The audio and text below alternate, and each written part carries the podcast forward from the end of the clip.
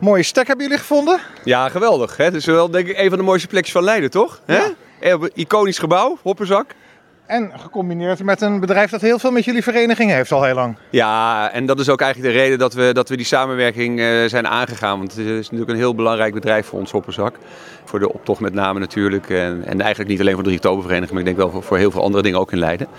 En we hebben hier nou een prachtige plek, denk ik. eh. Want ze hadden een stukje over.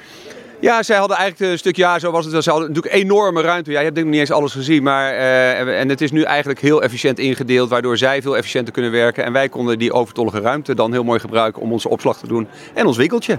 Ja, want hier is nu het servicepunt, maar het is niet alleen maar in september.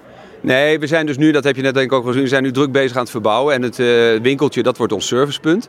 Maar uiteindelijk is het eh, de bedoeling dat ook de opslag hier helemaal naartoe gaat. Eh, dat scheelt ons heel veel kosten. En... Waar, waar heb je het dan over? Archief of? Alles. We hebben archief inderdaad, merchandising, eh, ja, weet je, allerlei dingen die wij eh, nodig hebben voor de optocht en zo. Dat zijn echt eh, soms hele grote stukken.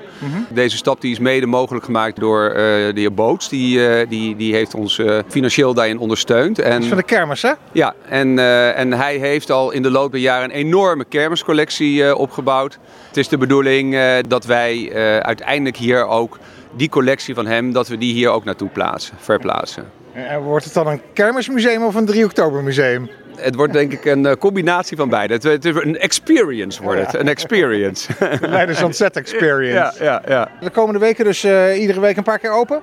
ja, we hebben natuurlijk ook nog de rijdende geus. Hè? Dat is ons mobiele servicepunt.